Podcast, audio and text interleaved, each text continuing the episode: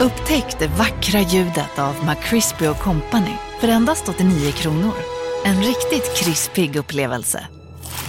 För ett ännu godare McDonalds.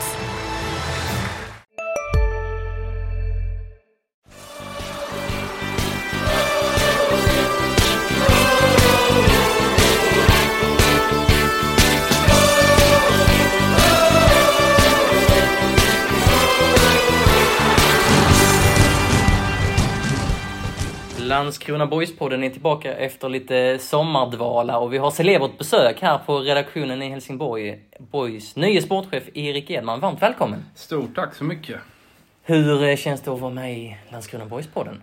Ja, det känns eh, jättebra. Jag var med i eh, vad heter den, Boys-podden här förra veckan där eh, ett gäng initierade boysare som satte mig eh, eh, ja, de försökte väl säkert sätta åt mig lite grann med, med lite tuffa frågor. Men, men en bra timme blev det där tycker jag. Mm. Underbart. Vi får se om det blir några eh, lika tuffa frågor idag. Vi börjar i alla fall lite lätt med en faktaruta. Mm. Eh, ålder? Ja, jag är 43 jag fyller väl 44 tyvärr i november. Bor? I Helsingborg. Yrke? Ja, sportchef är jag ju nu då, även om det känns eh, nytt för mig att säga just ordet sportchef om mig själv. Det tar lite tid att vänja sig vid titlarna.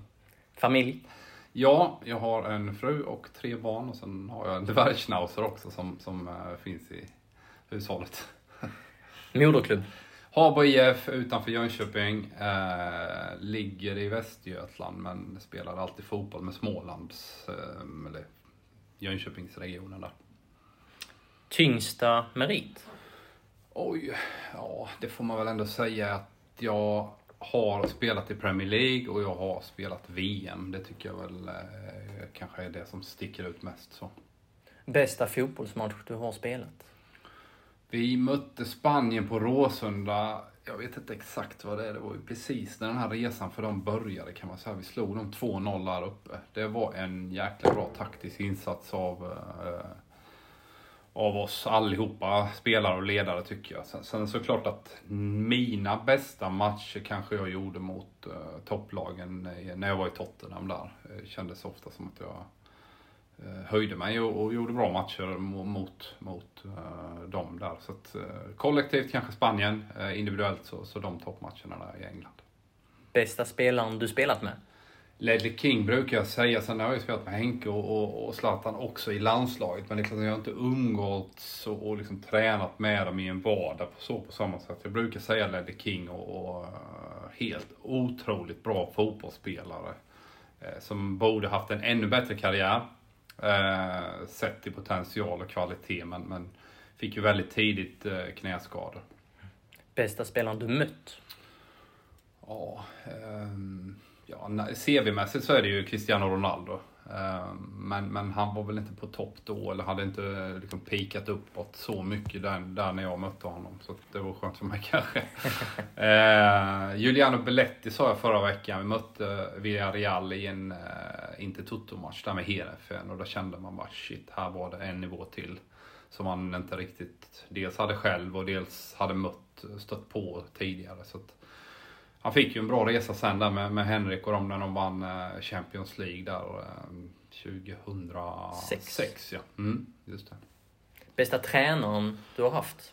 Ja, jag brukar säga Roberto Martinez som jag hade i Wigan. Eh, öppnade väl upp eh, mina ögon lite grann för att eh, ja, träningsmetodik och ett modernt sätt att liksom bygga träningar från liksom start till mål kan man väl säga där med olika saker. Sen tror jag väl att jag var mer mottaglig för den typen av tankar och sätt att se på fotboll på grund av det jag hade liksom varit med om i Holland. Så att, och det ser man väl generellt sett så, så tränare idag präglas ju ofta av den erfarenheten de har haft som spelare. Så kanske en sån som Rydström kan vara, kan vara ett undantag, men ofta så tror jag man präglas mycket av generellt sett din syn på, på, på spelet fotboll av de du har stött på som, som spelare eh, under din karriär. Mm, Rydström, för de som inte har koll, är Henrik Rydström, Henrik Kalmars Rydström, eh, Kalmar, spelare. Ja, eller eh, Kalmars tränare, ja, för detta ja, spelare. Fritidsintresse?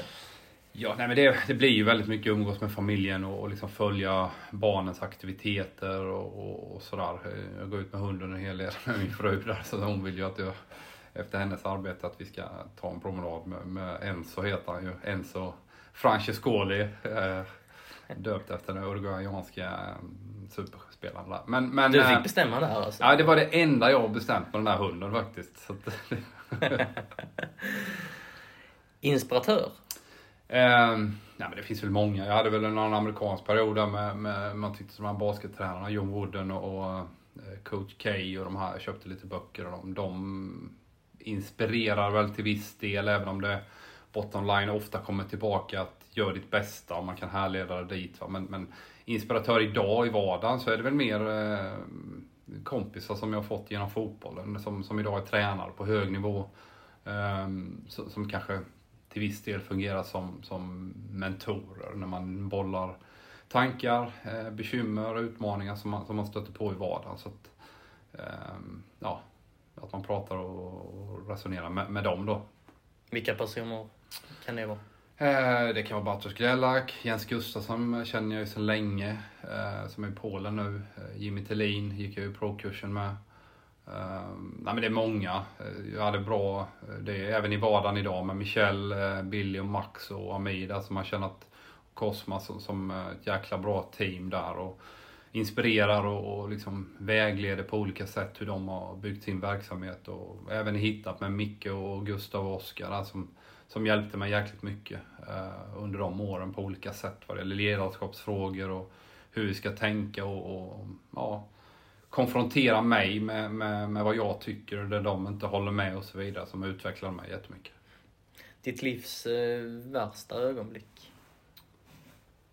Oh, Alltså, jag, ska vara, jag är förskonad för, för någon typ av superkatastrof i uh, mitt sociala liv. Så att, det är klart att de här gångerna man åkte ut en stor turnering um, var ju ofta tungt. Jag kommer ihåg när vi åkte ut mot Spanien när jag var 15 i pojk EM där, det var, tyckte jag var jäkligt tungt. Jag hade svårt att komma över det. Liksom, så att, um, på så sätt så är det ju fantastiskt att man inte haft någon annan typ av personlig kris som, som jag tycker att jag har haft i alla fall. Um, det är klart att den här 9-1 matchen där med när jag blev hånad på min gamla hemmaplan eh, var ju tufft att hantera de veckorna efter det var inte roliga liksom, rent karriärsmässigt. Eh, så. Ehm, men, men någon kris har jag inte haft eh, riktigt.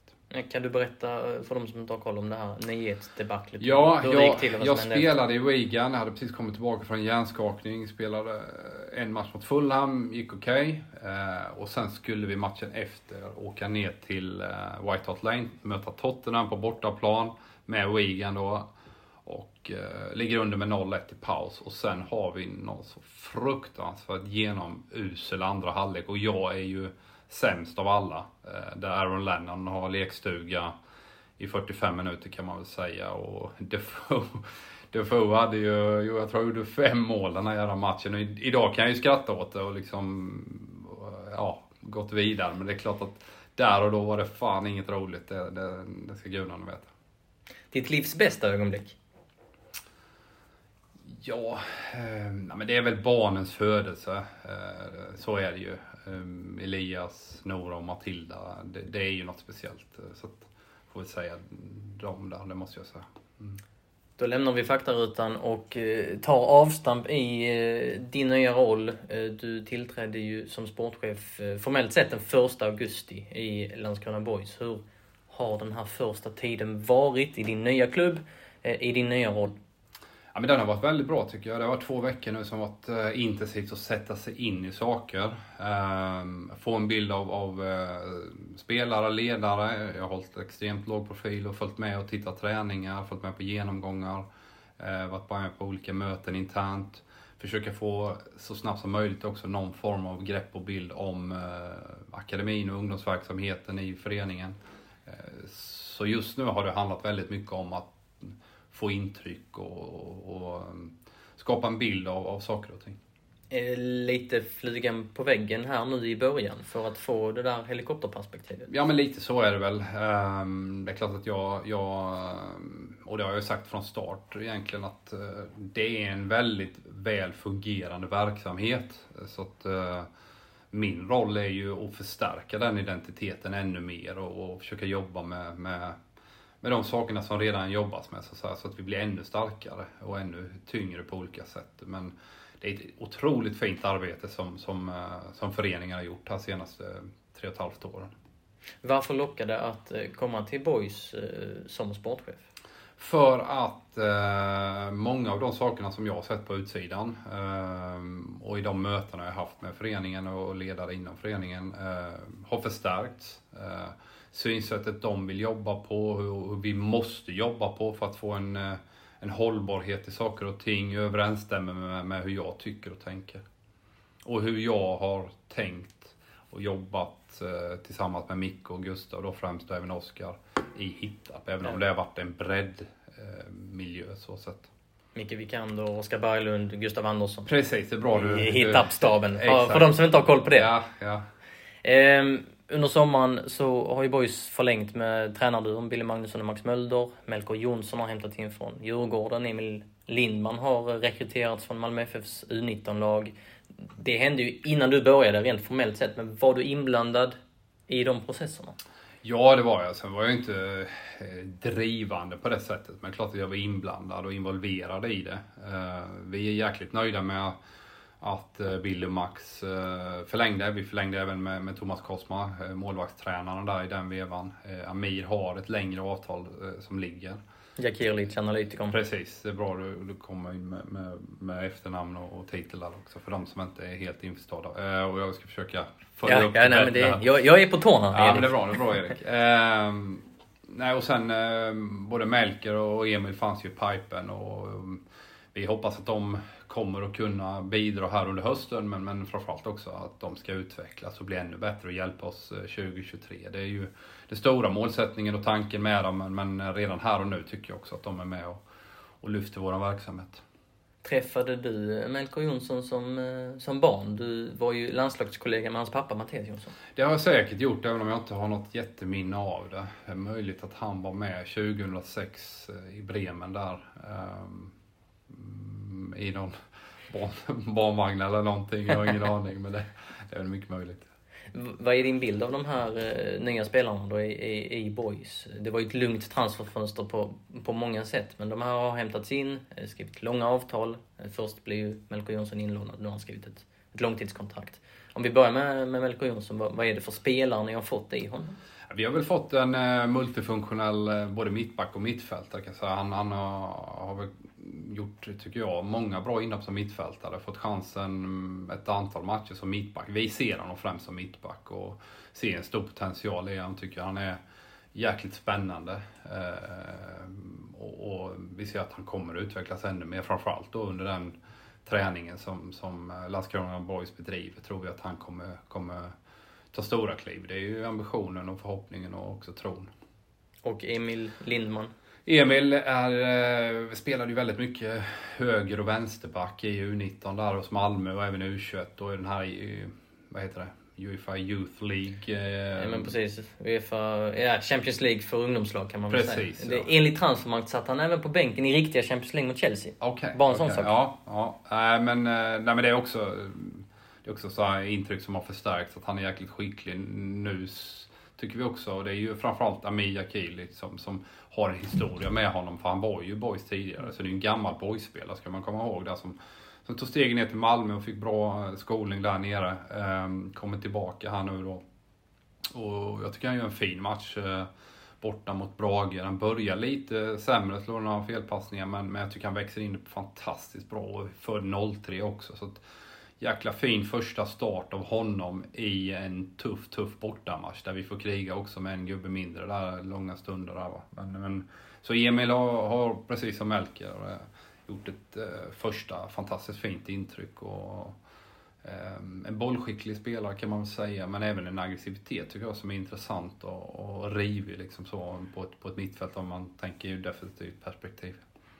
Hur mycket förändras din vardag nu jämfört med när du var tränare för Hittarps eh, lag i först division 3 och sen division 2? Ja, det är klart att det förändras eh, mer utifrån att jag har någon form av kontorstid liksom när man sitter och, och eh, eh planerar saker och ting. Eh, kollar en hel del Y-scout, eh, väger eh, det vi redan har i huset jämfört med det som finns utanför.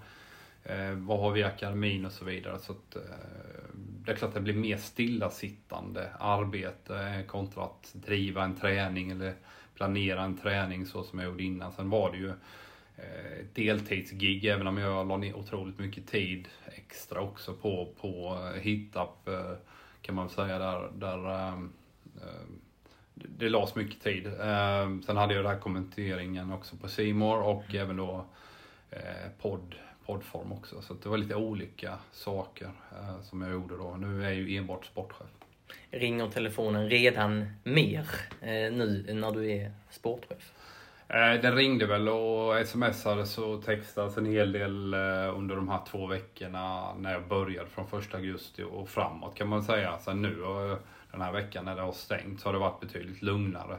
För mig har det ju, alltså initialt har jag tänkt redan första augusti att eh, min plan är ju för 2023 att skapa ett Landskrona Boys som, som eh, är så starkt som, som bara går till 2023. Men vi har en tuff situation och alla är införstådda med att det kommer bli eh, hårt jobb ända in i kaklet här för att hänga kvar i Superettan. Mm. Du kom ju in mitt i transferfönstret. Eh, utifrån så låter det ganska speciellt. Var det speciellt i praktiken också?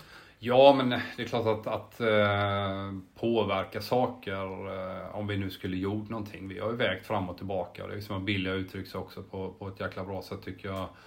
Eh, hittar man någon som man tror att för fasen det här kommer lyfta hela vår verksamhet, ja, men då hade vi kört på det. Men vi känner och, och tycker att den här truppen eh, blir bättre hela tiden. Eh, det är många unga och det är även folk som har varit där en, en, eh, en längre period som bidrar enormt mycket i, i vardagen. Och, och hjälper de här unga på ett fantastiskt fint sätt. Eh, och hjälper sig själva också såklart eh, med sina karriärer. Så jag tycker vi har en, en jädrigt spännande trupp redan. Eh, som, som blir bättre och bättre här. Och utifrån det nybygget som på något sätt in börjades och var tvungen att göras kan man väl säga inför den här säsongen så, så tycker jag att många saker börjar falla på plats och har redan, är redan bra men, men kommer bli ännu bättre under hösten.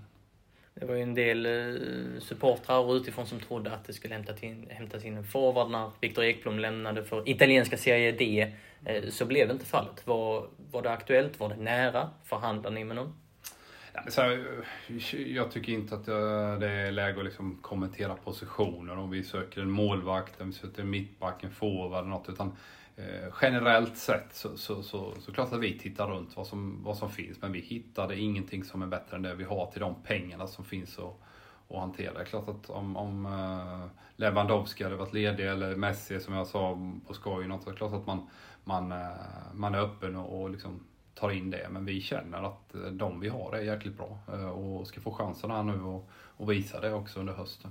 Mm. Om vi backar bandet lite eh, igen då. Inför säsongen 2020 så tog du över som huvudtränare i Hittarp. De mm. hade precis åkt ut ur division 2. Du tog tillbaka klubben till division 2 med ett väldigt ungt lag.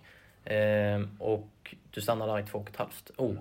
Hittade du nya sidor hos dig själv under den här tiden på Lauritz IP? Ja, först och främst är jag otroligt tacksam för Fredrik Hellström och Arne Jönsson och, och um, Jörgen Olsson då, som är ordförande i föreningen eh, som, som lät mig göra min grej. Eh, och min och Mickes grej. Min och Gustav och Oskars grej liksom utifrån att eh, vi ville ta in unga spelare som vill mycket med sin fotboll och vill utvecklas, vill träna, orkar ha träningar med mycket taktiska inslag och så vidare.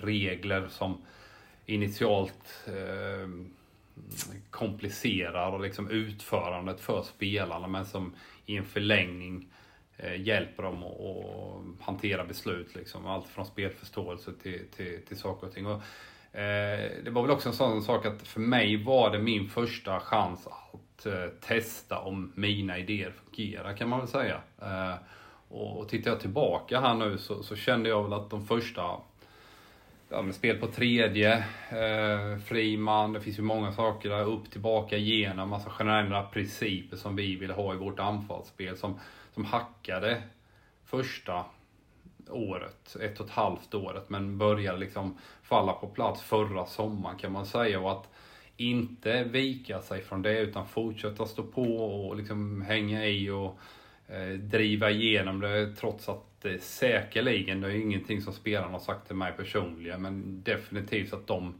var frustrerade många gånger när man, när man eh, har övningar som komplicerar för dem så att säga. Att liksom, utföra vanligt fotbollsspel i form av regler och så vidare. Att, att liksom orka och fortsätta hålla i det är jag jäkligt stolt över att jag gjorde, men framförallt enormt nöjd att övriga ledare och spelare ställde upp på det. Va? Och jag, tycker att, jag tycker personligen vi spelar en fantastisk fotboll eh, från förra sommaren och, även i år då när vi har gått upp en nivå så har vi spelat, eh, i, min, i min tycke då, en jäkla rolig fotboll.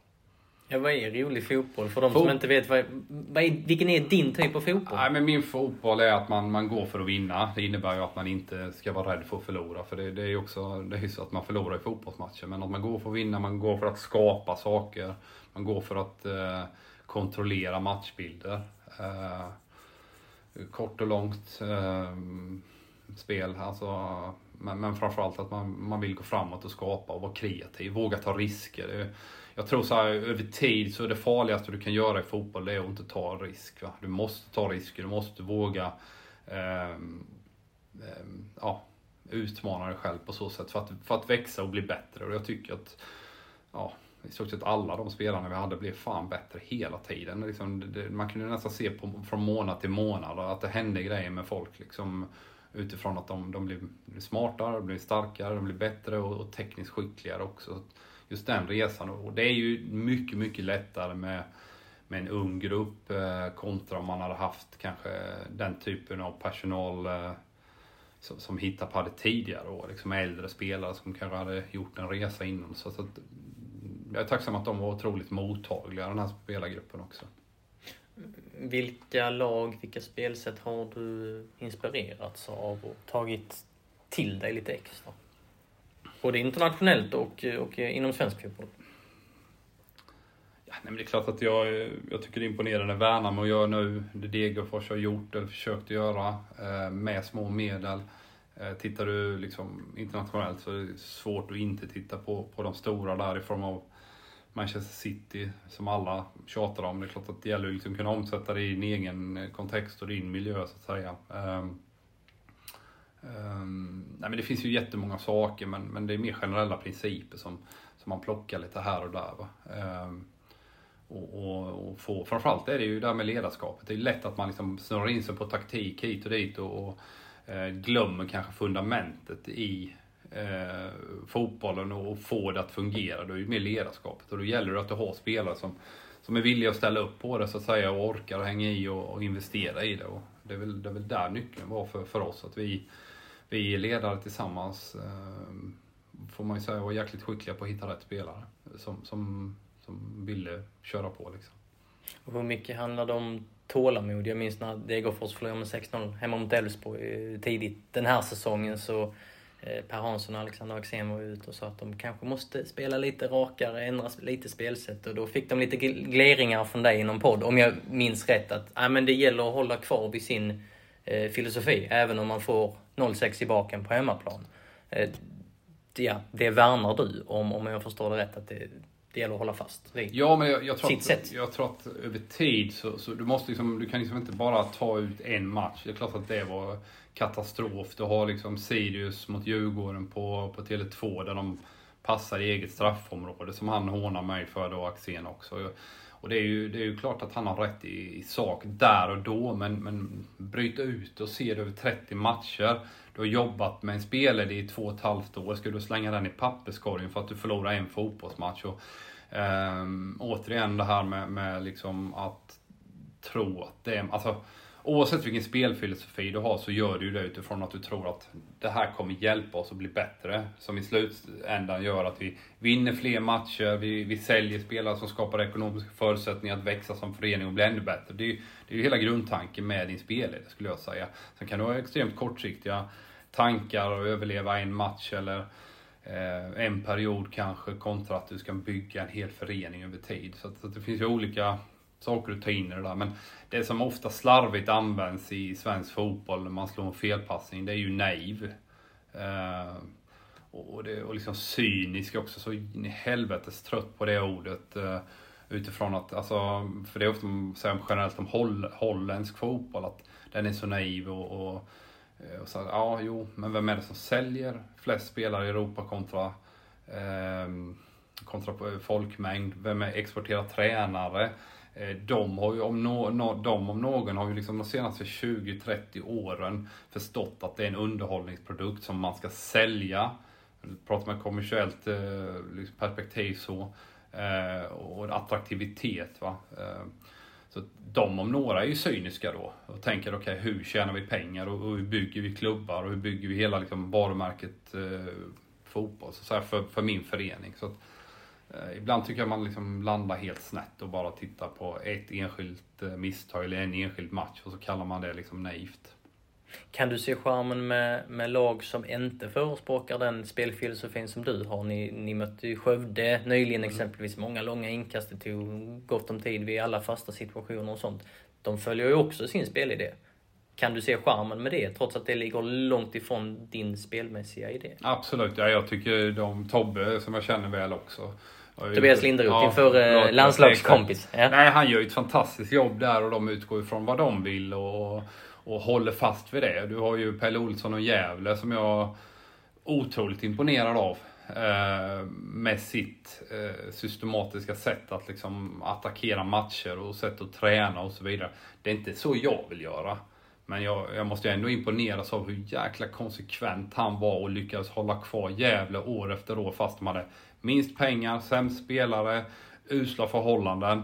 Eh, så han om någon är ju liksom helt otrolig eh, inspirationskälla på sitt sätt att göra och orka driva igenom det år efter år. Det var ju matcher där uppe man, man kände man, man, man, man led, eller man mötte dem på, på Olympia också, där man leder med både 1 och 2-0 och de ligger kvar och gör precis samma sak. Och det är klart, den enskilda matchen, deras taktik funkar ju inte med tanke på att de ligger under matchen, tiden börjar rinna ut och så vidare. Men att börja då liksom släppa lös spelarna tror jag att han resonerade om de termerna att nej, det hade bara förstört för nästa match och kanske om två matcher, tre matcher och då hade vi helt plötsligt börjat urholka våran spelidé. Så tror jag att han resonerar. Sen har jag inte pratat med honom om det men eh, Gävle IF och Pelle Olsson eh, tidigt 2000-tal och framåt. Otroligt imponerad av det han gjorde. Hur mycket har du sett av Billy Magnusson och Max Mölders boys sedan de tog över eh, inför säsongen 2019?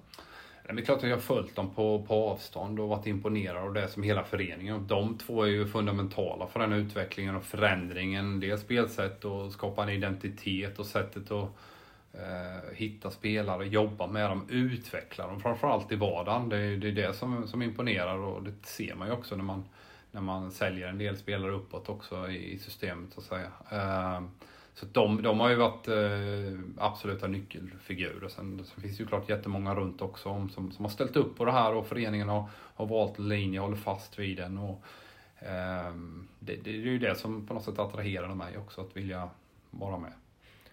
När du har varit utanför Landskrona Boys, sett på dem eh, utifrån, eh, som klubb, vad har du sett då? Vad har du uppfattat då? Nej, men det är ju de här bitarna spelmässigt, eh, att man vill själva kontrollera matcher. Eh, eh stå för en offensiv fotboll där man, där man eh, ja, går framåt så att säga och, och tar risker. För precis som jag var inne på innan så, så, så vågar vi ta risker. Och det tittar du generellt sett de här matcherna som jag har följt här nu, 12 matcher tror jag det är. Eh, sen, sen, sen jag började intressera mig mer för Landskrona Boys kan man väl säga. Så, så generellt tema är ju att vi, vi är bättre i andra halvleken än i första halvleken. Uh, och det tror jag också ligger till grund för hur vi vill spela fotboll. Eh, kan du utveckla ditt resonemang där? Ja, men till exempel motståndare som vill pressa oss högt med tanke på att vi vill spela igenom bakifrån och så vidare. Det innebär ju att uh, du exponerar dig för, för en viss typ av risk. Uh, det är väldigt sällan en motståndare, eller aldrig ska jag säga, oavsett nivå i Champions League eller landslags-VM, EM eller i Superettan eller Allsvenskan, där man orkar pressa i 90 minuter. Eh, så att ofta ebbar den där pressen och aggressiviteten från motståndaren av eh, efter 20-25. Eh, klart att ehm, du är känslig den halvtimmen men sen blir du bara starkare och starkare och lag spricker sönder efter en timme och, och jag upplever att Landskrona Boys blir bättre. Ehm, ja, från 55 och framåt kanske. Sett i de här eh, 12 matcherna då, som, som du har följt extra noggrant, vilken spelare har imponerat mest på dig? Har du fått någon aha-upplevelse där? Jag, jag, vill inte kommentera enskilda spelare utan det, det är ju ett kollektiv och många duktiga. Jag tycker vi har eh, många bra spelare. Eh, vår utmaning som jag också var inne på förra veckan här med, med Boyspodden där att vår utmaning är ju att få ihop de här och liksom samspel, samhandling. Man pratar relationer kanske lite slentrianmässigt men det är ju där vår utmaning ligger. Kvalitetsmässigt så har vi eh, jäkla fin trupp tycker jag men, men utmaningen är ju att få ihop dem. Det är ju ett gäng spelare som har varit med hela resan eh, som finns i truppen men framförallt är det ju många nya som har kommit in och det, det tyvärr det är ingen liksom, snabb lösning utan det, det är liksom jobba med saker i vardagen och det, med, med samspel, samhandling, kroppsspråk, hur vill jag ha min passning Ehm, och liksom den typen av beteenden hela, hela, hela tiden för att liksom förstärka relationerna som gör att du sen kan ta din match. För i match har du också en annan aspekt med stresspåslag och liksom det, är, det är fans och det är förväntningar och sådana bitar och det, det som, som, som på något sätt ger dig en högre puls som du också behöver kunna hantera. Så att just vardagen blir ju extra viktig då att man, man jobbar med varandra där på, på, på träningsplanen för att sen kunna om, omsätta det i praktiken i match. Då. Vilka strategier har ni för att fortsätta ta steg framåt? Ja, det enkla kortfattade är ju att, att jobba stenhårt med träningsmiljön, att ha bra träningar och driva tempo. Eh, som var inne på det här med, med samhandling och sam, samspel mellan spelare. Eh, vara tydliga liksom hur vi agerar försvarsspel, anfallsspel, vad vill vi ha för typ av eh, eh, positionering pratar vi extremt mycket om. Eh, Billy och Max där eh, vid genomgång och så vidare, hur man positionerar sig. Det är ju ofta man snöar in på ett visst typ av spelsystem och sätter pluttar och där men mer att koppla till positionering i till exempel i speluppbyggnad hur du vill skapa numerära över, övertag. Vem är den fria spelaren utifrån att de sätter press, det öppnas en yta bakom den spelaren. Hur, hur kan vi använda, exponera den, eller hur kan vi nå den ytan som är ledig utifrån att eh, de, en, viss, en viss spelare pressar, pressar våra spelare. Hur kan vi spela loss och sen in på den ytan som är ledig så att säga. Den typen av saker jobbas det med hela tiden, varje dag i, i träning ska jag säga. Och rent organisatoriskt utanför de kritade linjerna då, vilka strategier gäller där? Vilka värnar ni extra mycket om för att fortsätta utvecklas? Eh, ja, men det är att göra det de redan gjort flera år och, som jag sa att, att jag ska eh, komma in med två ögon till, eh, ha ett helhetsansvar och framförallt min stora uppgift här nu dels så kortsiktigt den närmsta månaden få en bild av, av vår verksamhet ehm, och delvis U också, men framförallt planera inför 2023. Ehm, just nu så, så ehm, huvudtränarnas fokus är ju att, att kunna prestera mm, nästa match och nästa träning eh, för att eh, hantera situationen vi är i så att säga. där det kommer vara otroligt tight hela vägen in. Här är, det är ju en otroligt märklig superettaserie med ett Halmstad BK som är överlägset eller i stora drag mycket, mycket bättre än alla andra motståndare. Men, men i övrigt så är det ju nästan, nästan på, nu generaliserar men, men 15 lag som kan slå vem som helst i stort sett. Ni har fem spelare som är lite äldre, lite mer etablerade, som har utgående kontrakt. Filip Andersson, eh, Viktor Wilstrand, Erik Persson, Linus R. Olsson och Svante Hildeman. Pratar ni framtid med någon av dem?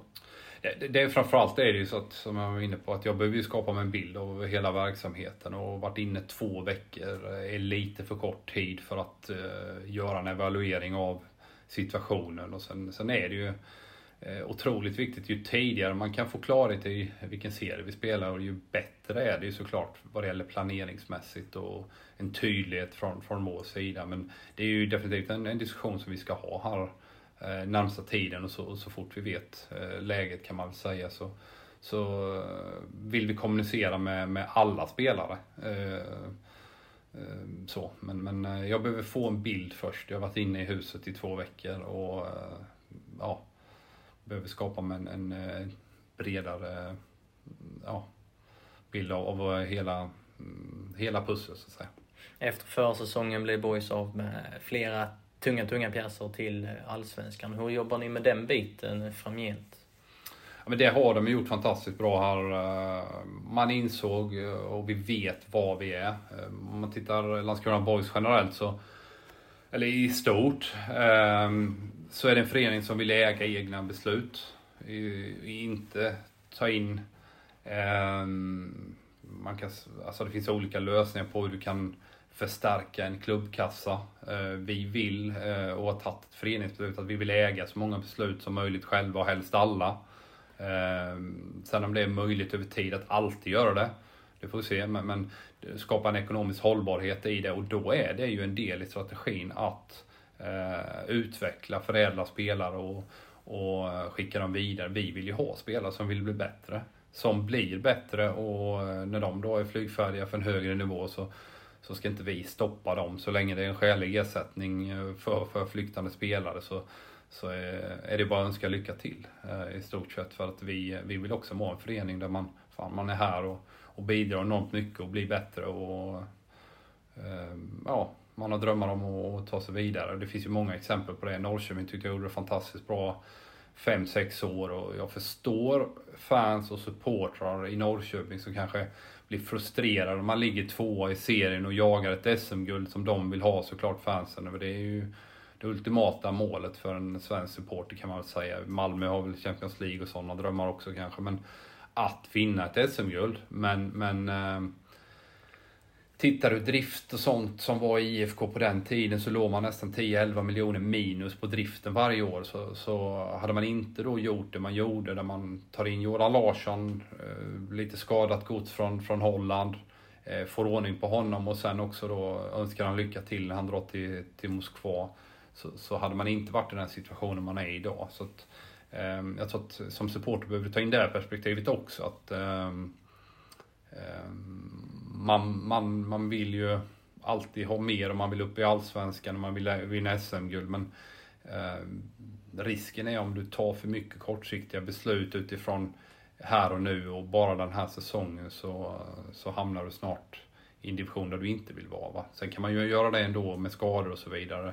Och vi är ödmjuka inför för faktumet att eh, det är en prekär situation för, för oss just nu. Men, men har full tilltro till, till Billy och Max och Amir och Cosma och, och, alla spelare också att fan, det här kommer bli bra i höst. Hur eh, insatt är du i det här läget i, i de ekonomiska parametrarna i klubben? Hur, eh, hur ekonomin eh, fungerar helt enkelt i, i Boys? Hur, hur, hur mår hur mår Boys ur ett ekonomiskt perspektiv? Ja, men Boys ur ett ekonomiskt perspektiv mår väldigt bra eh, om du jämför med vad man var i eh, för situation för tre fyra år sedan. Där de har gjort en enorm resa och det är återigen då ledning och, och tränare och spelare som, som har gjort fantastiskt bra saker under längre tid. Så att Landskrona Boys mår bra. Sen är det ju inte att vi kan hämta spelare för 2-3 miljoner och, och spendera pengar på, på massa saker. Så det är en liten budget, en liten ekonomi eh, fortsatt. Men, men det är ordning och reda på grejer och det var det inte tidigare. Hur mycket kollade du upp just de ekonomiska förutsättningarna innan du satte din signatur på avtalet? Eh, men det är klart att jag är jätteintresserad av det och, och viktigt att få en bild av situationen. Eh, vad är det jag hoppar på här nu? Och det är ju någonting som jag behöver sätta mig in i ännu mer eh, och få en genomgång och en genomlysning av det. Men, eh, man mår bra. Sen, sen vill, alltså, det är klart att alla vill, vill uh, sälja Alexander Isak för 100 miljoner och spela Champions League som Malmö och så vidare. För det ger ju snabba cash in så att säga och en helt annan trygghet och kunna fortsätta jobba. Uh, men här och nu så, så, har man gjort enormt mycket bra saker som har, gör att man har en stabil uh, plattform och kunna etab- fortsätta kunna försöka etablera sig i Superettan. För det är där vi är nu. Ungefär hälften av spelarna i nuvarande trupp är födda 2001 eller senare. Ungefär lika många har någon gång satt sin fot i Boys eh, akademi. Hur betydelsefullt är det? Ja men det är ju, om du tittar generellt så, så vill vi ju ha en spelartrupp som, som eh, generellt blir ett år bättre. När du går in i en verksamhet och du ska börja ett nytt år och börja träna och spela och sådär. Så en känsla att fan, de här spelarna, gör vi rätt saker som tränare och driver på dem på rätt sätt så, så kommer de bli bättre. Eh, det är ju en enorm skön känsla för en tränare att kunna gå in med den, att man blir bättre hela tiden. Det är lite det jag återkopplar till Hittarp också, att man har spelare som, som vill och kan och kan ta emot information och vill verkligen bli bättre. Och det är känslan här i Boys också. Sen behöver inte det betyda att man bara är 21. Va? Du har ju jättemånga fina exempel på, på, på spelare som, som kom in i föreningen vid senare typ av ålder. Viktor Wihlstrand till exempel, Sumar Almadjed som, som har gått vidare till HIF nu som, som kom senare in men som också har en jäkla häftig utveckling eh, lite senare i åldern så att säga. Sen är det ju yngre spelare tenderar ju att utvecklas på grund av ålder så att säga men det är inte det att bara för att du är 19 eh, så är det stängt för 27-åringar heller utan eh, vi hoppas att de också ska bli bättre. Du har ju verkat i division 2 och division 3 nu, en sväng i ettan med Eskilsminne. Du var i HF Akademi för några år sedan eh, när de hade sitt division 2-lag. Hur är tillväxten på lägre nivå i nordvästra Skåne just nu? Um, känslan är väl, alltså, känslan är att det, det, är väl bra. Jag har svårt att relatera till tio år tillbaka och sådär och kunna jämföra och sätta det i något form av perspektiv det man kan konstatera och så, så, är det ju alltid att när, när det finns en stark, stor klubb, om vi inte var Helsingborg som stad eller Landskrona, så mår ju även de mindre klubbarna bättre. Så är det ju. Ju, ju bättre Malmö är, ju bättre blir Olympic, eh, Husie och Höllviken och alla de där också. För Det trillar ner spelare så att säga i, systemet. Eh, så det är ju någonting som, som jag, jag tycker generellt att eh, Skåne som distrikt bör tycker inte det ska vara helt omöjligt att kunna ha fyra allsvenska lag i Skåne. Liksom. Med Trelleborg och HIF, Malmö och även Landskrona Boys. Och en stark skånsk fotboll bör ju rimligtvis eh, gynna alla. Eh, snarare än att man eh, liksom ska se varandra alltid som fiende. På planen är man fiende, supportrarna har en rivalitet och så vidare. Men jag tycker att eh, det borde vara i allas intresse att hjälpa varandra på olika sätt där. Eh, vi tog en spelare från Malmö nu till exempel och de ser en potential att han ska kunna bli bättre och så vidare hos oss. Eh, om man inte då får de möjligheterna i, i Malmö där det är lite tuffare och så vidare. Men, men en stark skånsk fotboll är ju någonting som, som jag tror alla mår bra av. Eh, det gäller bara att hitta vägar och nycklar för att kunna samarbeta också. Kommer du i din roll göra något för att skapa band just mellan de här klubbarna som du nämner?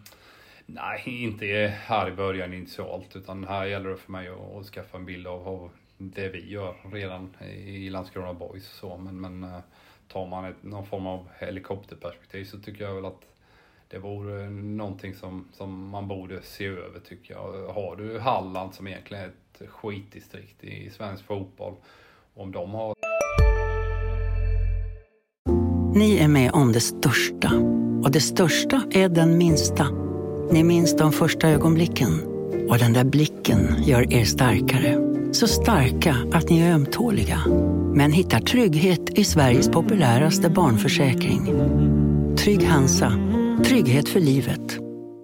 Hej, Synoptik här. Visste du att solens UV-strålar kan vara skadliga och åldra dina ögon i förtid? Kom in till oss så hjälper vi dig att hitta rätt solglasögon som skyddar dina ögon. Välkommen till Synoptik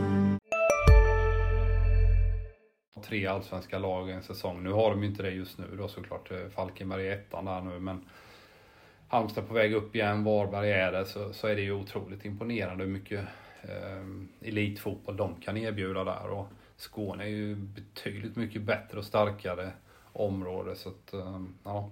Men vad krävs för att ta det steget? Har du någon eh, idé, någon tes?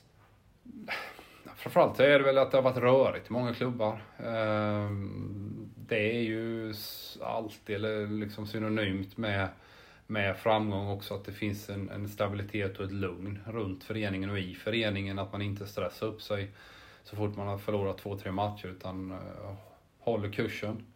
Eh, vågar hänga i så att säga och tro på det man gör. Eh, och det är väl någonting man kan se generellt att det gör ju att du liksom står och stampar och kommer liksom aldrig vidare. Utan du får liksom börja om. Det byts ut folk och det ska in med någon ny tränare, det ska in med någon ny ordförande.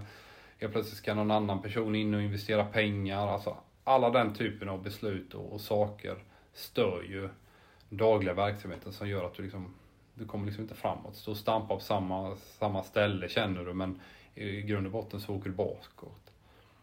Du nämnde Viktor Wihlstrand och Somal Majid innan. Bara, bara två exempel av många som Boys har hämtat in de senaste åren från lägre nivå. Eh, hur ser scoutingarbetet ut i Boys eh, här och nu? Ja, men det är jag som har huvudansvaret för det. Eh, skapa med en bild av spelare som vi, först och främst det vi har i huset och sen såklart det som finns runt oss på olika sätt. Sen är det ju inte det att Billy och Max och Ami främst då bara ska träna fotbollslaget utan de tittar ju också och när man kommer till någon form av skarpt läge så bollar man fram och tillbaka vad man tycker och det är ge och ta i den typen av diskussioner och vi håller absolut inte med oss med varandra alltid men, men eh, hitta någon form av samsyn och hur man går vidare om man ska stänga någonting eller gå vidare. Va? Ehm, det är väl så Eh, rekryteringsprocessen går till. Att sortera är ju otroligt viktigt för det finns ju så otroligt mycket spelare som cirkulerar och snackas och man får tips och sånt där. Att man helst har koll på den spelaren innan någon form av rådgivare, agent kommer med namnet så att säga. Det tror jag är viktigt så att man kan stänga saker eller gå vidare eventuellt också. Så det är ju min stora roll här och nu och ja, tanken inför 23 då. Förra året hade Boys idel eh, skånska spelare och så blev det lite nya spadtag i, i vintras. Vilka hyllor kollar ni på nu? Kollar ni rent av utomlands också? Och är det liksom allsvenskan och spelare som kan så att säga bli över där? Är det fortsatt lägre nivå, division 2, division 3, ettan och så vidare? Var, var kikar ni? Nej, man, kikar väl eh, både uppåt och neråt och, och sen försöka sätta det i någon form av relation och jämförelse med, med det man har kan man väl säga.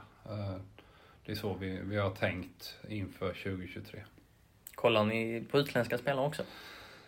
Ja, det gör vi. Sen är det inte något huvudspår att vi ska åka till, jag, jag och Michel ska åka till, till Copacabana och gå ner och kolla på någon strandmatch där liksom. Det är inte så, det, det, det tror jag inte kommer hända. Eh, utan vi vill ha närodlat om det är möjligt. Eh, det är ju främst så vi tänker och helst att de redan springer i U19-laget. Det är ju det absolut bästa om vi kan hitta spelare där. Ehm, just utifrån att vi vill ju träna på ett liknande sätt som A-laget gör så att många av de eh, beteenden och, och relationer och träningsmetodik överensstämmer med det de redan gjort i U19. Det är ju liksom det bästa för då blir anpassnings och akklimatiseringsperioden kortare förmodligen. Eh, och det är klart att tar du en från, som, som eh, kommer från Botswana så, så är risken att han behöver längre tid på sig. Då måste man vara ödmjuk inför det och förstå att vi behöver stötta upp honom kanske socialt runt omkring och sådana bitar. Eh, men men eh, först och främst tittar vi inåt och sen så får man titta runt vad som finns i närområdet och sen får man titta ännu bredare så att säga. Men, men så är väl proceduren och gången. Danmark ligger närmare än Copacabana. Det är nästan inom ja. den eh, närjugglade kategorin. Ja. Eh, det finns en historik med danskar i, i Boys. Assisterande tränare Max Mölder har varit inne på det också. Att ja, men det kanske blir att vi sneglar ditåt vad det lider. Är det en marknad som är eh, attraktiv för Boys framgent? Ja, jag tror det generellt för hela svensk fotboll så har det varit tydligt att det kommer mycket danskar till svensk fotboll. Um Sen sitter ju de i en lite annan situation ekonomiskt. Eh, danska kronan är värd mycket mer till exempel. Men det finns mycket bra spelare där och eh, definitivt profiler som, som passar in i hur vi vill spela fotboll. Och så, så det är väl inte otänkbart. Max har bra koll på Danmark generellt och är ju väldigt intresserad av dansk fotboll. Ehm, så att han har ett eh, jäkla skarpt öga för den biten. Mm. Eh, det är ju så att du har en eh, tydlig HF-bakgrund. Du har spelat i, i klubben och eh, ja, du har många stora framgångar på planen på Olympia och du har även figurerat som, som tränare på Olympia. Var det någonting du vägde in när Landskrona Boys ringde? Landskrona Boys och HF är rivaler. Nej, det gjorde jag inte. Jag har en historia i HF och jag gillar HF och hoppas att det går så bra som möjligt för dem. Eh, men det som jag vägde in i mitt beslut, det var att arbeta in i en klubb och en förening där, eh, som, som arbetar på det sättet som jag tycker är rätt. Och, eh, det var jättemånga av de sakerna som överensstämde när jag hade de mötena med Michel och Daniel Stålhammar och Jonas Olsson och Billy och Max också. Så att, det var ju huvudargumentet eller huvudanledningen till att fan det här känns spännande. Eh, hur ser du på HIF idag? Eh, nu har det ju varit eh, stor omsättning här. Man, man gjorde så med Jörgen, tog in Mattias Alvaro. Det var stor Jörgen Lennartsson. Jörgen eh, Lennartsson. Eh, och Granen har fått jobba som tusan här i, i sommar och plockat in mycket, mycket spelare. Eh, och sen har de skeppat iväg ett antal också. Så att utmaningen för dem under hösten är väl att försöka så snabbt som möjligt få ihop det här. Kvalitetsmässigt så är det ju inget snack om att de har bättre spelare än, eh, ja Sundsvall är ju klappkassa så de åker ju rätt ner. Men, men eh, Degerfors och de har ju bättre spelare än, än kanske Mjällby och eh, Varberg också. Om man jämför och hyfsat nära så att säga. Eh, men, men utmaningen är ju att få ihop det liksom, att det ska funka relativt snabbt Eh, för dem här. Nu är det ju en enormt viktig match mot GIF Sundsvall på, på söndag här för dem, så den måste man ju vinna såklart. Finns det någon möjlighet, med tanke på framförallt supportertryck kanske, att ha någon form av samarbete mellan eh, Boys och HF? Det blev otroligt uppmärksammat när Som Al lämnade Boys som bossman för HF i vintras exempelvis. Är det, om, det, om det finns en spelare i HF som ni tycker är tillräckligt bra för Landskrona Boys. Kanske, blir, kanske det blir så att ni backar för att han har tillhört HIF? Eller väger ni in sådana faktorer, tror du? Hypotetisk fråga, men mm. förstår vad jag menar. Nej, men jag tror att det är klart att det finns en, en rivalitet från fansen och en försiktighet att göra eh, liksom, samarbetslösningar kan man väl säga på grund av den historia som finns. Eh, det är väl samma om du tar uppåt där att eh, skulle, skulle HIF hämta från Malmö FF då kanske de tänker en gång till, men, men jag vill ju först och främst se till Landskrona Boys bästa. Eh, och, och mm, se till så vi är så starka som möjligt. Det är ju så jag önskar att vi arbetar och tänker. Eh. Har du fått något erbjudande från Olympia de senaste åren att återvända till HF? Nej, det har jag inte fått. Jag har, sen så har jag varit otroligt nöjd med, med den tiden i, i Hittarp. Jag trivs eh, otroligt bra. Jag har nog aldrig trivts så bra i en förening som, som, uh, som jag gjort med, med Hittarps IK och alla de människorna runt där och även på ungdomssidan. Det är fantastiskt många bra och duktiga ledare som lägger ner eh, ja, helt otroligt många timmar på banan där.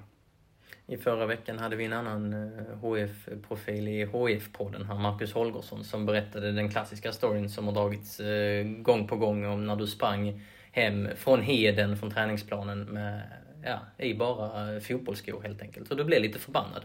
Det finns fler historier om när det har runnit över. Jag är nyfiken på det här temperamentet. Har det formats om sen du eh, la skorna på hyllan? Ja, men framförallt kan man säga att temperament har väl alltid haft eh, och främst egentligen i träningsmiljön. Sen när det har varit match har jag inte varit lika het och arg eller vad det nu kan vara med frustrerad. Utan det är väl i så fall runt träning som, som jag har ibland haft svårt att kanalisera frustration kan det väl vara eh, på olika sätt. Va? Eh, eller irritation. Eh, sen har det väl ebbat ut lite. Det är klart att man spelar paddel nu och man förlorar så kan man väl bli irriterad men det är inte alls på samma nivå längre. Och, är det någonting som på något sätt har format mitt sätt att, att se på prestation så är det ju att försöka vara så balanserad som möjligt. Det finns ju mm, forskning och statistik på det också kring, kring en tränare med hög kontra lägre puls. Hur mycket information de faktiskt kan ta in och hur tydliga de är i sina budskap. Eh, där man blir mycket, mycket sämre eh, på att eh, analysera eller göra en objektiv bedömning av en matchbild till exempel om du har högre puls kontra lägre. Liksom så. Så att, och jag tror väl också att någon form av eh, liksom aggressivitet och det måste du ju ha som fotbollsspelare. Men eh, det är ju samtidigt så här att eh, dras med i den här känslomässiga karusellen där en berg och dalbana tror jag sällan är bra. Så att, eh, kan du vara så balanserad som möjligt, likt ja, blodsocker eller vad man ska säga. Det är ju lätt att liksom, det är kul när det går bra som fasen men, men då är också resan neråt rätt så brant också när det går lite tyngre. Så att, försök hålla huvudet så kallt som möjligt. Det är väl det jag vill eh, signalera idag eh, och jag hoppas också att spelarna förstår vikten av det. Har du reflekterat över ditt temperament och din vinnarskalle? Varifrån det kommer? Nej, men jag tror alla, alla som spelar fotboll på elitnivå liksom uh, gillar att tävla i grund och botten. För det är där det kommer ifrån. Att man gillar att mäta sig med någon annan.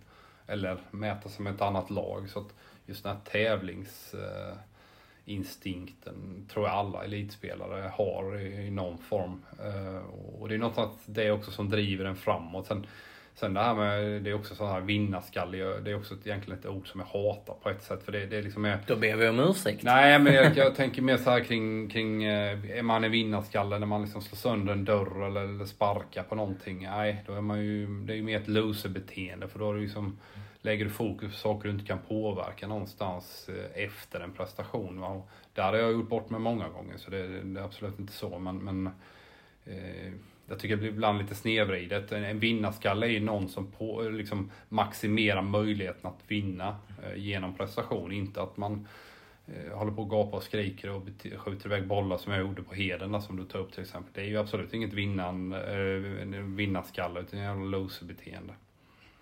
Har du något exempel på loser-beteende från Erik Edman?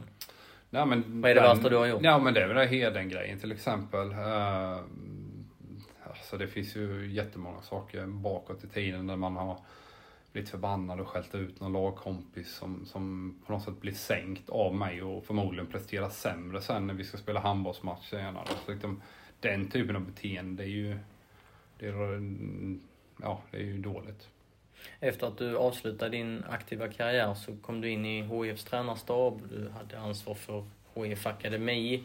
Eh, du var även med i Eskilsminnes eh, tränarstab där du hade en liten skräddarsydd roll. Du var väl inte på plats exakt varje träning. Då samarbetade du med Mattias Lindström som nu är huvudtränare för HIF. Och så hittar på det. Du har haft eh, en period eh, på Wieselgrensskolan också. Eh, du har haft olika roller i olika klubbar. Den omställningen från eh, proffslivet som spelare eh, till eh, livet efter karriären. Hur, hur var den i början, om vi börjar där, den, den första tiden för dig? Ja, den första tiden tror jag många spelare känner att det är ganska skönt att inte ha det här inrutade livet. För att i en proffsmiljö eller även på allsvensk nivå så, så blir det att du, du har ju extremt mycket fritid. Du tränar och sen åker du hem och så vidare, men du har ju väldigt lite frihet.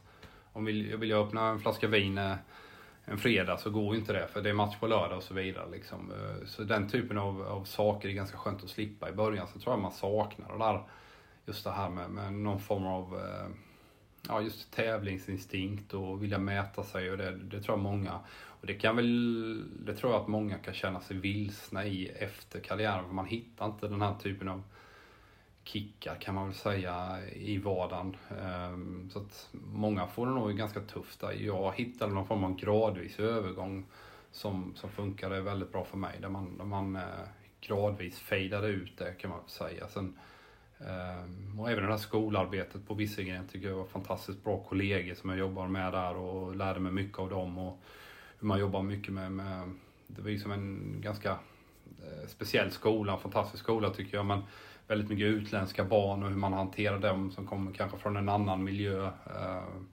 på så sätt. Eh, men jag trivs jättebra med det också. Men, en gradvis övergång blev det för mig snarare än ett abrupt slut. För att jag började, hängde på i HIF ett tag till och sen tog jag en liten paus där eh, och, och sen hoppade jag på Eskil och var där en gång i veckan.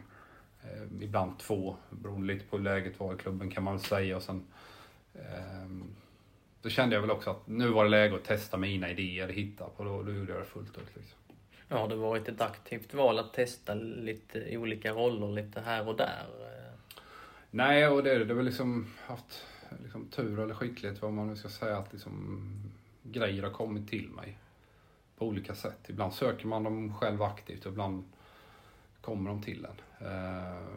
Och, och, så, att, så sätt så har jag haft, haft eh, tillfälligheter eh, av tur kan man väl säga att eh, möjligheter har, kommit till mig snarare än att jag har sökt mig aktivt mot dem. Så, och det är jag ju såklart tacksam för att man lär sig jäkligt mycket på den resan. Du pratar om att du fick ut väldigt mycket i Hittarp och njöt av den tiden. Kommer du inte sakna träningsplanen nu och att agera som tränare? Jo, men det gör jag ju redan. Sen, sen uh, min roll är inte att lägga mig i vad eh, Max Möller planerar för passningsövning här på träningen på imorgon eller på fredag. Eh, utan min roll är att stötta både spelare och ledare. Skapa mig en bild nu först och främst då under hösten och sen föreningens plan inför 2023. Det är ju det som är min arbetsuppgift. Så det är jävligt viktigt att jag fokuserar på det jag ska göra, inte på det på något annat så att säga. Har du lagt ner dina tränarambitioner? Eller kan, du, kan det mycket väl vara så att du dyker upp som tränare om några år eller någon gång i framtiden? Det kan det säkert vara, men här och nu så har jag ingen tanke på att vara tränare överhuvudtaget. Eh, jag trivs jättebra där och då, men, men såg samtidigt den här som möjligheten och som en jäkla chans att försöka få en annan eh, ja, en annan erfarenhet i ryggsäcken och kunna eh, jobba mer strategiskt långsiktigt där, där, där jag har det kanske lite längre perspektivet medan en tränarstab eh, kanske tänker mer i mikroperspektiv med veckan som kommer och matchen som, som ligger i anslutning till träningsveckan. Så. så här och nu så är jag fullt fokuserad på det. Eh, som du var inne på tidigare, du har varit expert på Simon de senaste åren. Du har även varit med i diverse poddar. Vad har det gett dig att analysera fotboll ur det perspektivet? Ja, men det, det ger jättemycket. Det är också där det är jäkligt kul och det är otroligt mycket proffsiga människor runt en tv-sändning. Man, man äh, tänker väl att vissa saker sker väldigt spontant men det är ju väldigt uppstyrt. Äh, och ett körschema som ligger fast och det är klart att du har en, en eh, valfrihet att säga det du tycker men, men ibland styrs det i en riktning som, som ibland kan göra att det blir lite eh, stereotypt kan jag tycka. Så att just poddformatet är mer fritt, att man talar ju hjärtat. Sen gäller det så har vi resonerat också när man ska kritisera mm, negativt då, kritisera kollegor och, och ibland kompisar också utifrån vad man tycker att prestationen inte är på den nivån som jag tycker kanske de borde och så vidare. Att, att man är trygg med att okej, okay, det här kan jag stå för, det här tycker jag. Eh, och visst, det är klart att det finns en och annan som blir irriterad och sur av, av den typen av kritik. Men att man är, man är trygg med att okej, okay, det här tycker jag. Då, då måste jag också kunna stå för och säga det och våga säga det framförallt. Hur kommer du själv ta emot kritik nu eh, som Boys sportchef? Ja, men det hör ju till jobbet så att jag vill ju tro att jag ska kunna vara hyfsat nyanserad. Men sen är det väl alltid så. Alla människor oavsett bransch eller vad man gör vill ju att uh, det går bra. Så att um, du kommer ju säkert ha ett och annat att säga till om vad jag gör och vad Billy och Max gör. Men det är så det är och det är så det ska vara och så måste det vara att man, man uh, det finns en omgivning som sätter press och tryck och, och tycker saker och ting. Så det är ju bara att åka med. Liksom. Det är, visst, man kan försöka simma mot strömmen där, men jag tror inte man vinner så jättemycket på det. Nu kommer vi in på en eh, stor fråga eh, med rubriceringen Hur mår svensk fotboll idag? Eh, din förra lagkamrat från landslaget, Anders Svensson, han skrev i dagarna en eh, debattartikel om att han är orolig för svensk fotboll som han tycker halkar efter. Och ett av problemen han ser det är att svenska klubbar är benägna att satsa på etablerade spelare istället för unga spelare. Han drog kopplingar till Malmö FFs eh, eh, matcher på senare tid mot Sirius och även kvalmatcher till Europa. Mm. Har du en liknande bild och vad tycker du om svensk fotboll här och nu?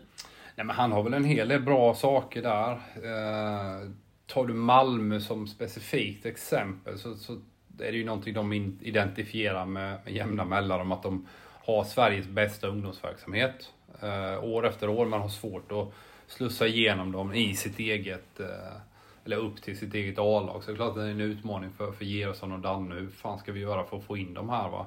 Eh, deras väg har ju varit nu dels med det här projektet de kör i Olympic och dels att de slussar iväg då och kanske spelar som ytterligare lite längre fram i sin utveckling kanske till Superettan eller till Allsvenskan. Amin Sarr hade ju en fantastisk höst i Mjällby och räddade kvar dem kan man väl säga då. Och sen tog han steget till, till Heerenveen. Så det var ju en väg för dem att göra. Sen måste man ju också särskilja alla MFF kontra lite de andra föreningarna. För de har ju satsat på en plattform nu där de mer eller mindre inte kan undvika att gå till de här gruppspelen och det i sin tur genererar ju pengar till din verksamhet. Så att, att de väljer att satsa på mer etablerat utifrån det perspektivet med ekonomi och så vidare kan jag köpa. Även om jag kan ju ifrågasätta mm, ibland kanske också hade man kunnat ha en 18-åring på bänken kontra en 30-åring och så vidare. Så den typen av frågeställningar har de säkert också internt. Va? Eh, tar man de andra allsvenska klubbarna så, så det finns ju ett projekt nu som heter eh Eh, jag vet inte om det är Fotboll 500 eller Projekt 500 eller någonting som, som han Osynliga Handen driver med två polare som SEF har tagit in för att eh, liksom ge den bilden egentligen samma som Anders är inne på. Eh, hur tar vi svensk fotboll framåt? Eh, och, och, där är det ju tydligt att man tittar man medelålder och snittålder och, och sådana saker så, så är det en skillnad mot Norge och Danmark. Eh, där man hade ambition att vara Skandinaviens starkaste liga. Men då kanske man pratar också då, då blir det där kortsiktiga två, tre års plan liksom. Va? Där behöver man ju så zooma ut och hur når vi dit på sikt? Och då är det ju att bygga ekonomier eh, i respektive förening där man hela tiden kan, kan liksom eh, förädla spelare, eh, slussa dem vidare och sen när man liksom börjar om hela tiden så, så förhoppningen är ju då att en stärkt ekonomi gör att du kan Eh, attrahera ytterligare lite högre nivå eh, på spelarkvaliteten då kan man väl säga. Va? Så det, det, finns ju definitivt, de tankarna eh, eh, finns ju inom svensk fotboll redan. Sen gäller det hur når man dit. Eh, du kan inte bara ändra, vända upp och ner på allting från en dag till en annan. Utan det är liksom också en sån här process också som är sjukt överanvänt ord och som jag själv använder alldeles för mycket. men men eh, där, man liksom, där får man hitta en balansgång och gradvis gå dit hem. Va? Men, men det är tydligt att till exempel Danmark har ju varit om oss jävligt länge. Liksom, men, men Norge har också börjat eh, köra om oss här vad det gäller svensk fotboll. Svensk landslagsfotboll då? Vad tycker du om den? Ja, det är väl också lite av en ombyggnadsperiod här nu. Nu missar man ju VM. Eh, behöver kanske eh, eh, bygga om lite grann. Sen gjorde man ju ett försök här nu i den här Nations League. Jag såg extremt lite. Nytt, eh, ny positionering.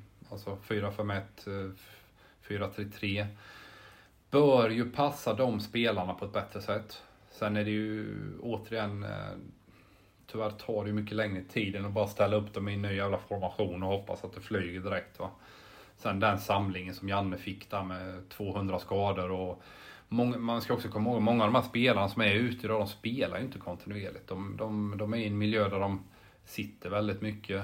Eh, kanske vår bästa mittback då förutom Victor Lindelöf så, så har du Pontus Jansson som spelar och han har då tackat nej till landslagsfotboll. Så det är ju en utmaning eh, för Janne att hitta rätt igen och relativt snabbt här. Sen, sen är det ju tacksamt utifrån att ett EM-kval är ju ja, mer eller mindre ett skämt. Eh, för alla går ju dit. Va? Det är ju snart så att till och med Färöarna och Gibraltar har en chans att gå till, till ett slutspel.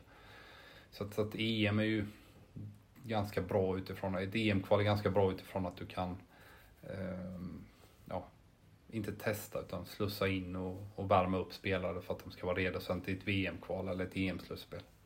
Eh, för några år sedan var det många som gick igång på Belgien och drog kopplingar till svensk fotboll. Att ja, vi behöver fostra mer tekniskt skickliga spelare. Ehm, nu eh, hör man en del röster som saknar den här typiskt svenska försvarsmentaliteten. Vad tycker du? Har balansen blivit snedvriden eller är den där den ska vara? Nej, men det, det är väl också så att pendeln slår ju för långt åt ena hållet ena gången och sen för långt åt andra. Så, så att fortsätt göra det man gör. Eh, sen behöver du ju alltid korrigera saker. Eh, att hitta den här klassiska eh, Olof Mellberg, Micke Svensson, Petter Hansson. Det är väl den typen av spelare du, du liksom eh, ja, refererar precis. till där utifrån ett förs försvarsperspektiv. Eh, jag tror att det är klart att du, du, du måste förstå eh, vikten av att liksom försvara din box och ditt mål och, och den typen av situationer. Men många saker gör vi bra. Sen, sen, tycker jag mer generellt att du behöver liksom bli ännu duktigare på utbildning av tränare. Eh, att, att du, du har ännu fler utbildade tränare som förstår hur, hur funkar en normal kille eller tjejs eh, motoriska utveckling, kroppsliga förvandling.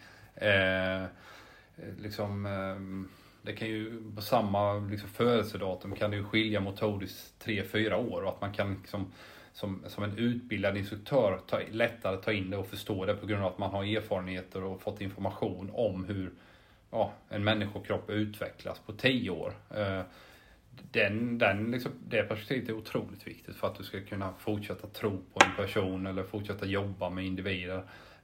Så just utbildning är ju en sak på ungdomsnivå som, som behöver bli ännu bättre och det är ju inte bara att menar, i, i Boys eller Malmö eller HIs akademi att det finns jäkligt kompetenta tränare där. Det är ju såklart för att de, de har kanske ekonomi och eh, finansiera detta. Eh, men att man även på breddnivå liksom blir ännu skickligare på det och driver det projektet. Sen har du en sak till med infrastruktur. att eh, Vi idag inom svensk elitfotboll kanske lägger för mycket pengar i spelarlöner. För att liksom här och nu ska vi vinna och vi ska vara bra och allt det här. Men eh, träningsmöjligheter. Eh, Stockholm är ju rena katastrofen där liksom det är 6-7 lag på en plan samtidigt. Och så vill man tycker man att fan de kan inte slå crossbollar. Nej, inte fan det. De har ju inte gjort det på 10 år liksom. För de har ju tränat på liksom kvadratenövningar för att de har inte mer yta att träna på. Så den typen av saker, jag menar AIK till exempel som är en enormt stor klubb, de har en träningsplan på Karlberg. Fantastiskt nu när solen skiner och det är jättefint men vad är det? Om du jämför med, med Rennes eller Wigan eller Tottenham där jag var eh, när jag var utomlands. Det är liksom 6-7 planer. Liksom, och, och, man kan ha ett flyt i träning, är det en yta som börjar bli sliten kan du strunta i att använda den på två veckor. Du har ju en annan yta. Och den typen av, av resonemang tror jag bör eh, liksom lyftas inom svensk fotboll för att kunna utveckla produkten över tid. Snarare än att man bara tittar, ah, hur fan är vi på Uefa-rankingen här och nu? Liksom. Utan du måste ta det stora, stora greppet om du vill lyfta det över tid. Du kan definitivt göra punktinsatser som, som uh, drar verksamheten framåt. Men jag tror zooma ut lite och, och, verkligen, verkligen förstå vad fan är det som kommer lyfta oss på längre sikt. Tycker du att många har för bråttom? Ja, vad menar du då? Spelare och... och Både spelare eh, och klubbar och du pratar om att ja, man tittar på rankingen just här och nu och, och ja, kanske stirrar sig blind på, på sådana grejer. Ja men, ja, men det, så är det ju. Men det är ju samhället i stort. Det ska ju gå så jäkla fort och det går så otroligt fort. Det gäller att kunna hitta rätt och navigera i det någonstans och inte bli vilsen själv. Um, tittar jag mig själv när jag var 18-19 så, så blir det att man, liksom, man jämför sig själv med andra för mycket. Och kanske ibland kan tappa fokus på det man själv kan påverka. Uh, och det gäller väl alla att eh, klubbledare blir stressade över situationen på grund av att någon annan gör någonting. Ja, men fan, vi är ju trygga i det vi ska göra. Fortsätt med det då. Eh, istället för att man liksom blickar för mycket på, på, på, på alla andra och försöker hitta någon genial lösning som, som eh, funkar i Uruguay eller så vidare. Men det får också ta in ett liksom, hur ser landet ut? Hur ser kulturen ut? Uh, hur är ekonomin? Alla de typerna av saker, logistikproblem som vi har i Sverige kanske man inte har på samma sätt i Danmark och så vidare. Vad gäller resor och avstånd mellan lag och sånt. Att det, det är jättemycket att ta in och, och behandla innan man uh, når någon form av konklusion. Så. Du har sagt att du är trött på klubbars femårsplaner hit och dit. Vad menar du? Nej, men jag menar bara att ibland är det spottas ur av någon styrelseledamot att nu ska vi ta SM-guld inom fem år och sen är det väldigt sällan underbyggt och förankrat i föreningen i stort och sett till vilka förutsättningar och sånt man har. Så det är väl mer det. Och framförallt presentera en femårsplan, gör gärna det då, men då får ni ju fan i mig konkretisera vad den innehåller och hur man faktiskt kan nå det målet man har satt upp. Eh, vilka utmaningar finns för Landskrona Boys den dagen klubben eventuellt är tillbaka i Allsvenskan? Det pratas ju mycket om att Allsvenskan blir mer och mer skiktad. Eh, du har pratat om att man inte kan säga topp 8, men eh, vissa säger topp 8. Det är Laxén som säger topp 8. Jag hatar det. Vadå topp 8? Det är ju knappast toppen som är åtta lag. Ja, det är övre halvan helt enkelt. Exakt. Säg hellre då övre halva. Säg inte topp 8. Det, det är inte toppen. Men om vi börjar med Allsvenskan som, som det ser ut nu. Eh, vi kan väl vara överens om att, att eh, det blir mer och mer på det sättet. Det är vissa klubbar som, som eh, har ett litet försprång ekonomiskt och så vidare. Och vilka utmaningar finns då för en klubb som Landskrona Boys som är anrik och som någonstans kanske ska vara i en allsvensk eh, kontext eh, den dagen det kanske sker att, mm. att eh, Dirandige är tillbaka där uppe. Mm. Nej men det är väl precis de utmaningarna. Och där tycker jag det är häftigt med svensk fotboll samtidigt. Du har Varberg och Jocke, det de gör där uppe. Det är ju helt otroligt bra eh, arbete Varbergs eh, boys har gjort. Mjällby, hur många bor i Hällevik till exempel. Sen finns det kanske en historik och en historia som är lite längre tillbaka. Även Degerfors där. Hur de har skapat eh, någon form av allsvensk kostym med små medel och små förutsättningar. Så att Värnamo kanske det mest aktuella exemplet just nu, vad de gör och har gjort eh, under ett flertal år. Eh, på, på, alla har sin egen lite, lilla nisch kan man väl säga, hur man, hur man jobbar med, med sin verksamhet. Men alla de tycker jag står för enormt bra saker och definitivt jättemånga eh, ingredienser som säkert vi kan blanda i våran soppa också så att säga. Hur viktigt är det att Landskrona Boys återvänder till Allsvenskan inom en överskådlig tid? Vi ja, behöver kanske inte säga fem år då, men eh, inom en överskådlig tid.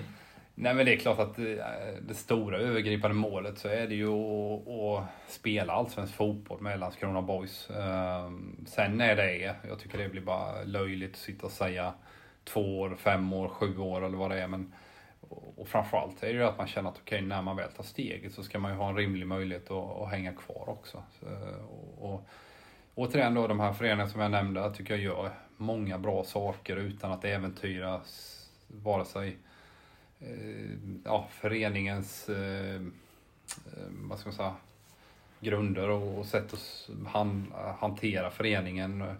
Eh, och även då spelsätt och sådana bitar som jag tycker imponerar på mig. Så att, eh, det finns ja, flertal allsvenska klubbar som jag tycker gör jättebra saker. Tar du Sirius till exempel som som har nu etablerat sig i Allsvenskan får man ju säga här som väldigt länge låg i division 1 norra och, och harvade och, och körde på där. Men också våga tro på någonting och fortsätta köra. De har ändå bytt tränare ett antal gånger. Men, men man har inte blivit vilsen vad det gäller liksom, eh, sin, sin långsiktiga strategi. Så finns ju det man också ska väga in där. Bengt Ågerup som är miljardär har ju hjälpt föreningen under lång tid och har väl fortsatt göra det också. Så de har fått ett kapitaltillskott som har definitivt eh, eh, förenklat saker, även om inte det är enkelt på något sätt. Den 30 eh, juli skrev du så här på Twitter, citat. Alla dessa känningar slash maskningar och målvakter som vill få till spelavbrott sabbar eh, underhållningsprodukten Allsvenskan slash Superettan. Alla gör det och dags att ta tag i på allvar. Två eh, utropstecken, slut på citat. Slut på tweet. Ja. Berätta. Ja, nej, men det är väl någonting jag har känt under längre tid här. Eh, det var väl Jimmy Tillin och Rickard Norling som jag tyckte började med det där med målvaktsmaskningen där, när liksom vill få till någon form av stopp i spelet, snacka ihop sig när man har ett, eh, en situation under en match där man har lite problem och strul. Va? Då helt plötsligt får målvakten ont, lägger sig ner och så kan man samla ihop sig och bryta en motståndares momentum. Jag blir irriterad när jag ser att alla gör det där nu och det avbrott och det är ju väldigt sällan jag ser en allsvensk eller en superettan-match de sista 10-15 minuterna när det inte är ständiga avbrott och maskningar från allt och alla. I stort sett som när man, när man vill behålla ett resultat. Om man leder eller det är oerhört eller vad det är. att det blir ju inget flyt alls och jag tror att det här är ett jätteproblem för, eh, för hela underhållningsprodukten eller fotbollen i stort. Att eh, här behöver vi hitta rätt liksom. Eh, och det kostar inte speciellt mycket pengar att få till det här. Du kan snacka om hybridgräs och vi vill få bort konstgräset men det är en enorm ekonomisk problematik kring att lösa det. Men här har vi ju enkla saker för att skapa ja, roligare fotboll som jag tycker. Sen har du det där med inkasten också. Jag blir helt vansinnig varje gång det får ta 35-40 sekunder. Du ska torka av bollen och flytta upp mittbackar. Att, att man inte kan... Eh, att slå, kasta långa inkast kan vara en strategi du kan ha för att ha kvaliteter och använda det som ett vapen. Fine. Men det får fan inte ta 40 sekunder att kasta in bollen. Eh, så det, det är en sak till som, som jag tycker urholkar hela skiten. Vad är lösningen då? Lösningen är att tidsbegränsa det, att du har, eh, som i futsal, eh, så har du fem sekunder att sätta igång bollen. Det kanske ska vara tio sekunder max eller någonting. Sen går inkastet över till motståndaren. Maskning. eh, utespelare som, som eh, behöver vård får vara ute i två minuter. Målvakt. Så att det blir någon form av straff menar du? Exakt. Du ska mm. inte kunna hålla på. Har du kramp så ut med två minuter så får det vara någon som står och klockar där då. Men om de är skadade på riktigt då? Om de har kramp på riktigt och det lägger sig? Ja, men då gör du ju ett byte. Då får du göra ett byte. Eh, sen har du det med målvakterna. Det är det stora strulet för du kan inte byta ut målvakter säger man. Då, nej, men då då får man spela utan målvakt då på ett sätt. Det är ju ett jävla straff för den som då lägger sig och ska ha behandling och så vidare. Så att, äh, just målvaktsbiten är ju den tuffa och svåra nöten att knäcka. De andra tror jag man kan lösa rätt smidigt. Vad eh, tänker du, vad tycker du, vad säger du om eh, Amor Kadura eh, maskar i 91 minuten på eh, lördag eh, om ni leder med 1-0 mot J Söder? Som sagt, alla gör det. Så vi, vi gör säkert det också, även om inte jag har hört den typen av resonemang hos oss. Eh, så, så, så alla gör det, alla lag. Jag ser liksom unisont. Det är liksom, man kan dra liksom 32 elitklubbar, SEF-klubbarna, alla gör det. Och i, i division 2 i Hittarp så, så, så, finns det också. Liksom. Ehm, så det här är liksom inte någon enskild eh, person eller klubb som, som har det här. Det här sysslar ju alla med. Går det att lyfta det internt, alltså inom er grupp, att ni pratar om det och försöker undvika det? Det är väl mer att man eh, ska försöka hålla huvudet kallt när motståndarna gör det, tycker jag. Att, att det är extremt viktigt att vi fokuserar på att fortsätta vara metodiska och liksom fortsätta och inte då lägga eh, stor vikt och stor frustration på när motståndarna gör det. Det är väl det man kan göra här och nu. Sen är det ju en större fråga för, för liksom svensk fotboll att eh, ja, in, underhållningsvärdet urholkas tycker jag. Alla matcher är viktiga, men den på lördag mot J Södra ser nog många som lite extra viktig med tanke på tabelläget. Du har bra koll på J Södra. Vad är det för lag Landskrona Borg ställs mot till helgen? Eh, jag tycker det är ett ganska bra lag. Eh, jag såg dem mot Halmstad. Fick de ju en tuff resa där tidigt baklängesmål. 2-0 ganska tidigt också. Blev 5-0 till slut. Fick en utvisning också. Eh, men som sagt, Halmstad är extremt bra. Har haft eh, ganska stor omsättning på spelare. Man har ju tagit in ett antal spelare. HIF eh, profilen kan man säga. Han Alexander Nilsson, va? målvakten, tycker jag har gjort ett bra, bra start i J Södra. Eh, eh, nej men det är, det är ganska många skickliga spelare så det, det, är en tuff nöt och en tuff utmaning för oss att hantera. Men, men eh, ja, vi ska göra det vi, vi är bra på så att säga. Så, så tar resultattavlan hand om sig själv, så kan man säga. Dina kopplingar till Jönköping och fotbollen där i den regionen, berätta. Ja, jag är ju från Jönköping, eller utanför Jönköping, Habo från början. Så klart att jag, jag följer J Södra. Och när jag spelade hemma innan jag flyttade till Helsingborg så var ju J Södra i samma division som Habo, i division 4 då. Så att, eh, men det har ju historiskt sett varit den stora klubben, även om när jag bodde hemma så var Huskvarna FF eh, större eh, och hade en bättre verksamhet kan man säga. Sen kom Olle Nordin in, eh, kom från, från AIK där han hade tagit en paus och ändrade väldigt mycket och liksom på något sätt elitpräglade verksamheten på ett helt annat sätt. Så han är ju en av de nyckelfigurerna som, som gjorde att eh, J Södra lyfte i seriesystemet kan man väl säga. Sen, sen har man gjort bra saker. Framförallt det är ju det arbetet Jimmy Tillin gjorde under ett antal år där. Eh, enormt. Eh, både ekonomiskt och sportsligt. Eh, fantastiskt arbete han gjorde där.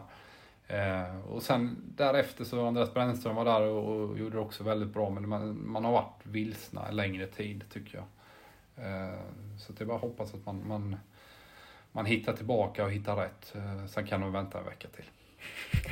Eh, känner du också att det är en extra viktig match på lördag? Eller du resonerar inte så? Nej, men jag, jag tror att bygga upp det som extra viktigt. Vi har eh, 11 extra viktiga matcher och, men, men återigen, vi har 30 matcher som också över hela säsongen och de 21 som redan är spelade eller förlåt 19 som redan är spelade har också varit jävligt viktiga. Som jag sa, jag, jag har stor tilltro till, till spelargruppen och till tränarna. Att, att, och jag ser ju det de gör varje dag på träning och, och beteenden som vi har som, som är fan riktigt bra. Så det gäller att få ihop det varje vecka, varje träning och, och bli lite bättre hela tiden. Två poäng på de sex senaste matcherna. Vad är det som har brustit, så som du ser jag vet inte om det har brustit. Det är klart att vi har några, någon prestation borta mot Östersund som var sådär. Eh, men det är också, som jag var inne på lite, det är ju ganska mycket nytt, nya relationer som måste skapas. Att, att du har matcher där det funkar bättre och du, du vinner och, och du spelar bra. Det kommer vara, men det är också um, matcher där man kanske inte når den toppen och den eh, prestationen som man önskade. Um, men det, det, det, jag tycker det är lätt, återigen det här med att ja, är det noll poäng så är det kast. Va? Nej, det är inte så. Utan eh, Dalkurd borta så tycker jag inte vi gör en speciellt bra match eh, som kollektiv. Men vi hittade ett sätt att vinna den typen av match där vi liksom var väldigt solida bak och släppte till enormt få målchanser och, och lyckas vinna. Eh, Skövde hemma till exempel så, så har vi en 25 minuters period i början där vi har problem med deras spel men, men eh, andra halvlek så, så gör vi det jättebra och trycker ner dem och de parkerar bussen och vi skapar ett antal målchanser så att där skulle vi haft en poäng. Så att jag menar, jämnar ut sig även om man inte fått betalt direkt så att säga. Eh, och jag tycker i stora drag så är vi där vi, där vi rimligtvis eh, kan tänkas ha resonerat eh, att vara inför 2022. Va? Så att, jag tycker mycket går enligt den planen som, som redan är lagd och det som man, man, man tror. Det, det blir en utmaning. Det är 11 skittuffa matcher. Och de 19 som varit innan har också varit stentuffa. Men de är, de är definitivt redo för, för, för den utmaningen, alla spelare och ledare. Erik Edman, stort tack för att du var med i Landskrona Boys-podden. Tack själv.